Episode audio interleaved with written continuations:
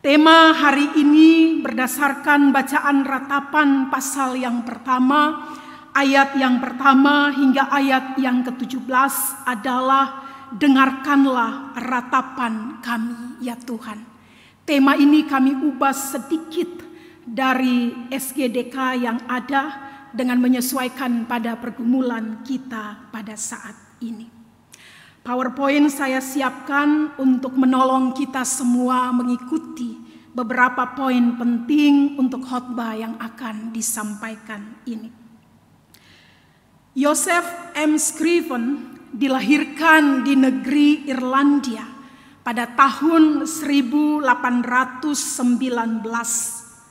Yosef berasal dari keluarga yang cukup berada dan ia mendapatkan pendidikan yang sangat baik.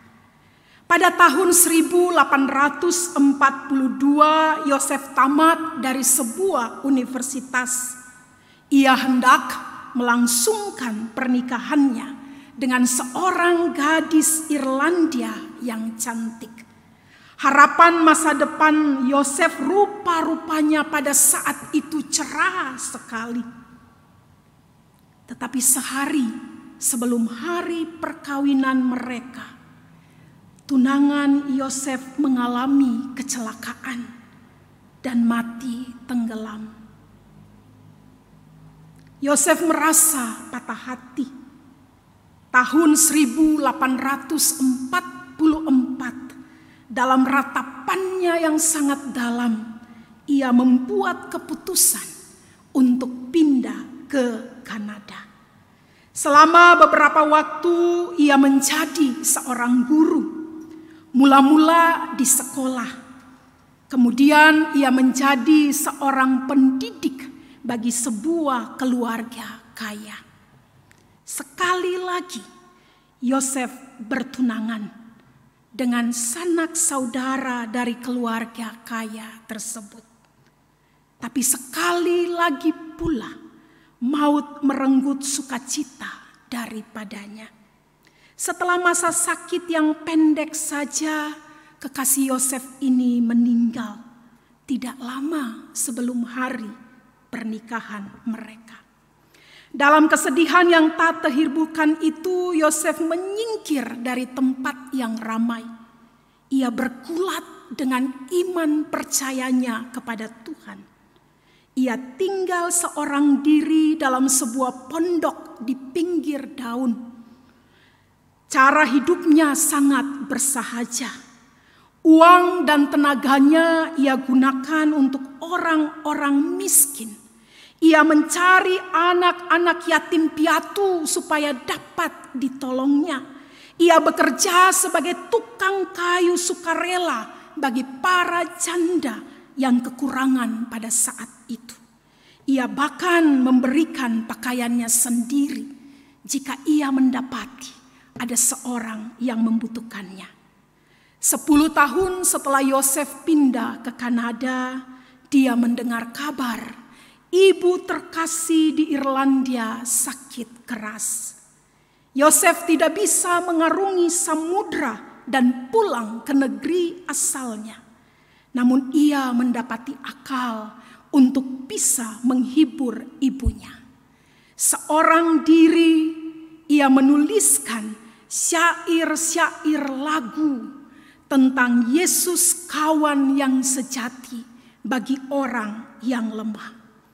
Satu salinan syair itu dikirim kepada ibunya di Irlandia. Satu salinan lagi ia simpan sebagai pegangannya. Salinan lagu yang ditulis oleh Yosef itulah yang baru saja kita nyanyikan tadi. Kidung Jemaat 453 bait 1, 2, dan 3. Yesus kawan yang sejati bagi kita yang lemah. Bapak, ibu, saudara, adik-adik terkasih, Kisah Yosef Scriven ini mau menolong kita untuk memahami bersama, berefleksi bersama dari pengalamannya pada waktu itu tetapi pengalaman kita pada saat ini dan ketika bersama-sama kita merenungkan teks bacaan kita pada hari ini. Yosef bisa untuk tetap berjalan meskipun pengalaman demi pengalaman pahit ia alami. Satu yang dia pegang bahwa Tuhan adalah sahabat sejatinya. Teks ratapan yang baru saja kita baca tadi adalah sebuah ratapan atas hancurnya kota Yerusalem. Kota yang dulu begitu dibanggakan, kini lulu lantah. Penulis kitab ini yang diduga oleh beberapa penafsir adalah Yeremia menggambarkan kehancuran dalam teks bacaan kita tadi saya memberikan sedikit gambaran dari apa yang diratapi itu. Dulu Yeremia mengingat kota ini ramai, tapi sekarang kota ini terpencil. Dulu ia adalah pusat perayaan sehingga banyak orang datang, pengunjung begitu banyak dan kota itu menjadi begitu ramai. Tetapi sekarang sunyi sepi tidak ada seorang pun yang lalu lalang. Dulu ia seperti seorang ratu di antara kota-kota, di antara bangsa-bangsa. Tetapi sekarang Yeremia menggunakan istilah ia seperti seorang janda yang ditinggal mati di antara bangsa-bangsa. Dulu ia didukung oleh banyak teman, banyak bangsa untuk bangkit melawan Babel. Tapi sekarang semua teman meninggalkannya dan semua teman mengkhianatinya. Bahkan orang-orang yang dulu menopangnya sekarang menjadi seterunya.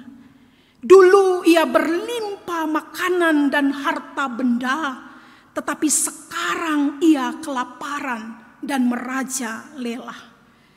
Segala kesombongan Israel hancur berkeping-keping dan di titik kehancuran inilah mereka mengakui kepada Tuhan segala dosa dan pelanggaran mereka.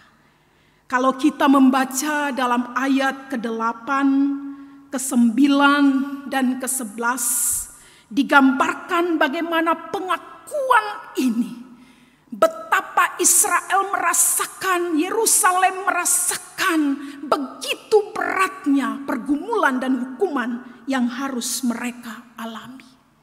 Di tengah-tengah keterpurukan itu pula, mereka tak tahu kepada siapa mereka harus berlari selain mereka datang dan meminta pertolongan kepada Tuhan. Di tengah-tengah keterpurukan itu, mereka tahu hanya pada Tuhan tempat di mana mereka bisa meminta ampun dan memohon pengasihan Allah atas mereka. Lalu, apa makna teks ini bagi kita saat ini yang sementara berhadapan dengan wabah corona? Cerita yang dulu hanya kita saksikan di layar TV ketika itu pertama kali muncul di Wuhan, Cina, kini kita alami dalam kehidupan kita. Dengan semakin merebaknya wabah ini, setiap hari kita dihantui oleh dua bayang-bayang. Bayang-bayang yang pertama adalah bayang-bayang kematian. Setiap hari kita dipaparkan pada berita-berita duka cita yang kita baca, kita terima di televisi, koran, maupun melalui WhatsApp grup. Kita mengalami bagaimana duka cita yang satu belum selesai, datang lagi duka cita yang lain. Kita mengalami bagaimana kita belum selesai meratap dengan satu peristiwa, peristiwa yang lain terjadi dengan tiba-tiba. Kabar duka itu bertubi-tubi menimpa kita. Sehingga sering kali terbersit di benak kita. Apakah kapan giliran saya? Sungguh menakutkan.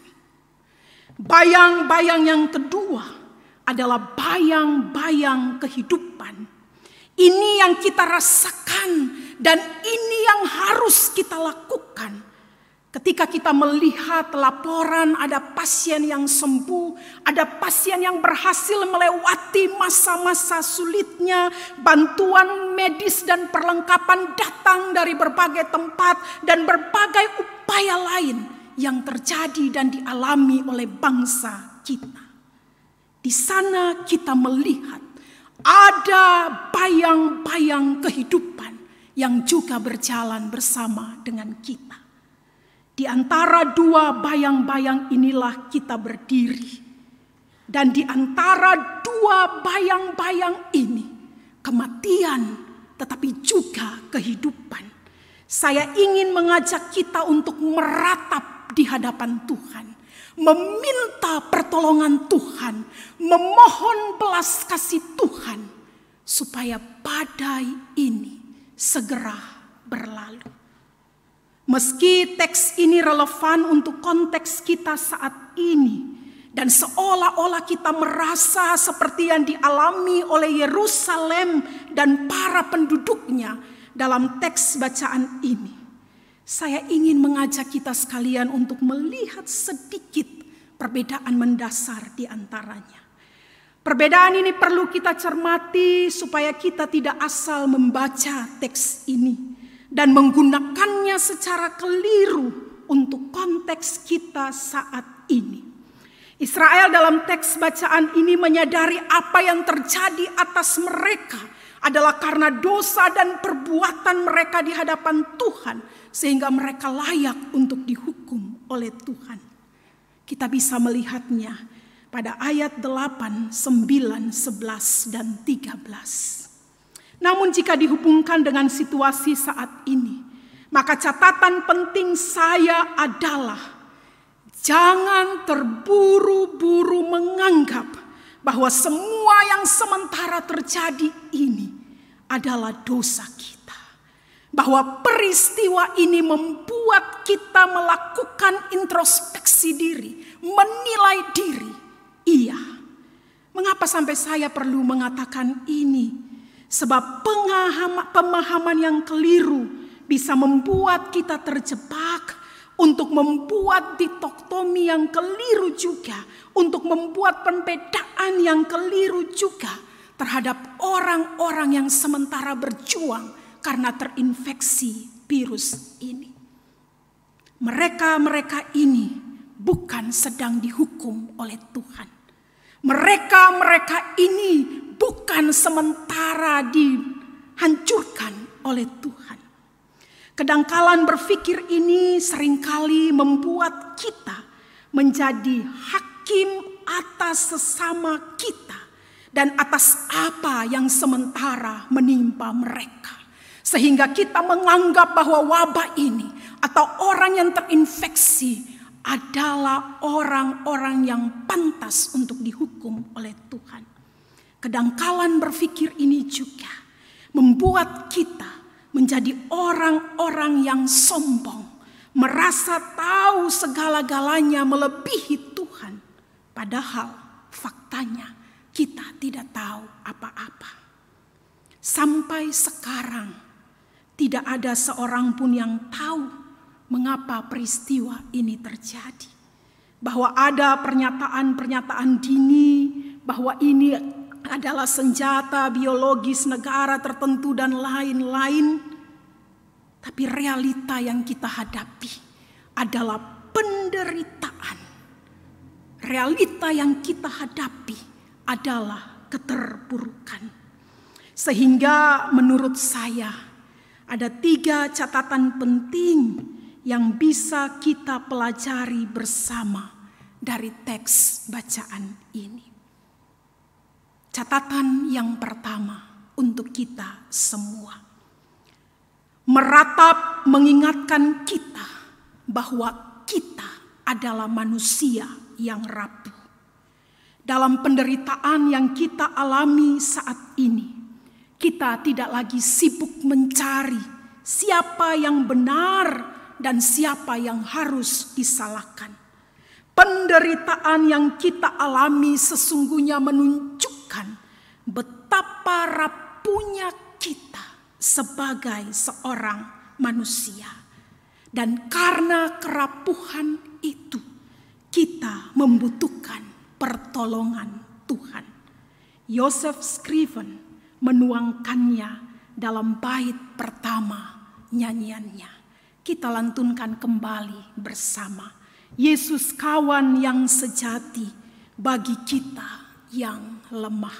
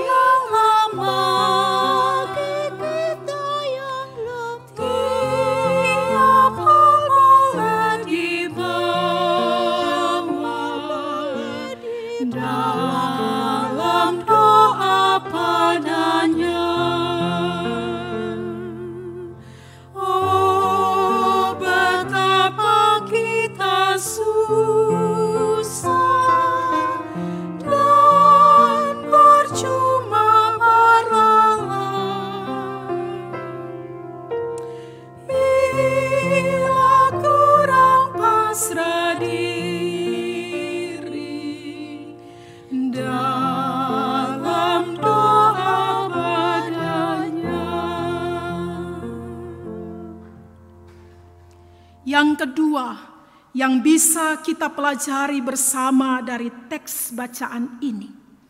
Meratap atau ratapan yang kita sampaikan kepada Tuhan adalah bentuk pengakuan dan penyerahan diri kita di hadapan Allah. Ratapan bukan hanya tanda bahwa kita rapuh dan lemah, tetapi ratapan adalah bentuk sikap jujur kita di hadapan Allah. Ratapan adalah bentuk penyerahan diri kita di hadapan Allah, bahwa saya yang rapuh dan lemah ini, saya yang tidak berdaya ini, membutuhkan pertolongan Tuhan dalam melewati masa-masa sulit ini.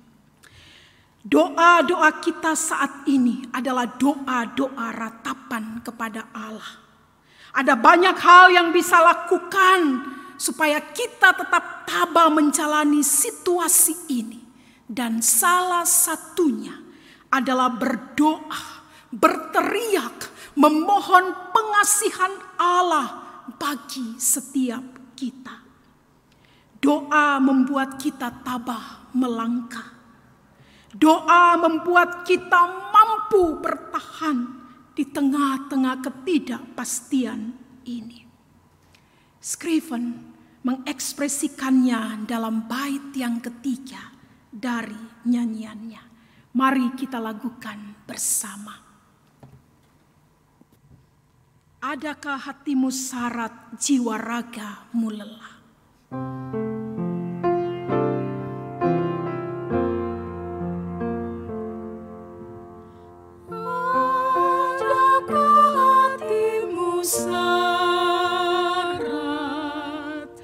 you.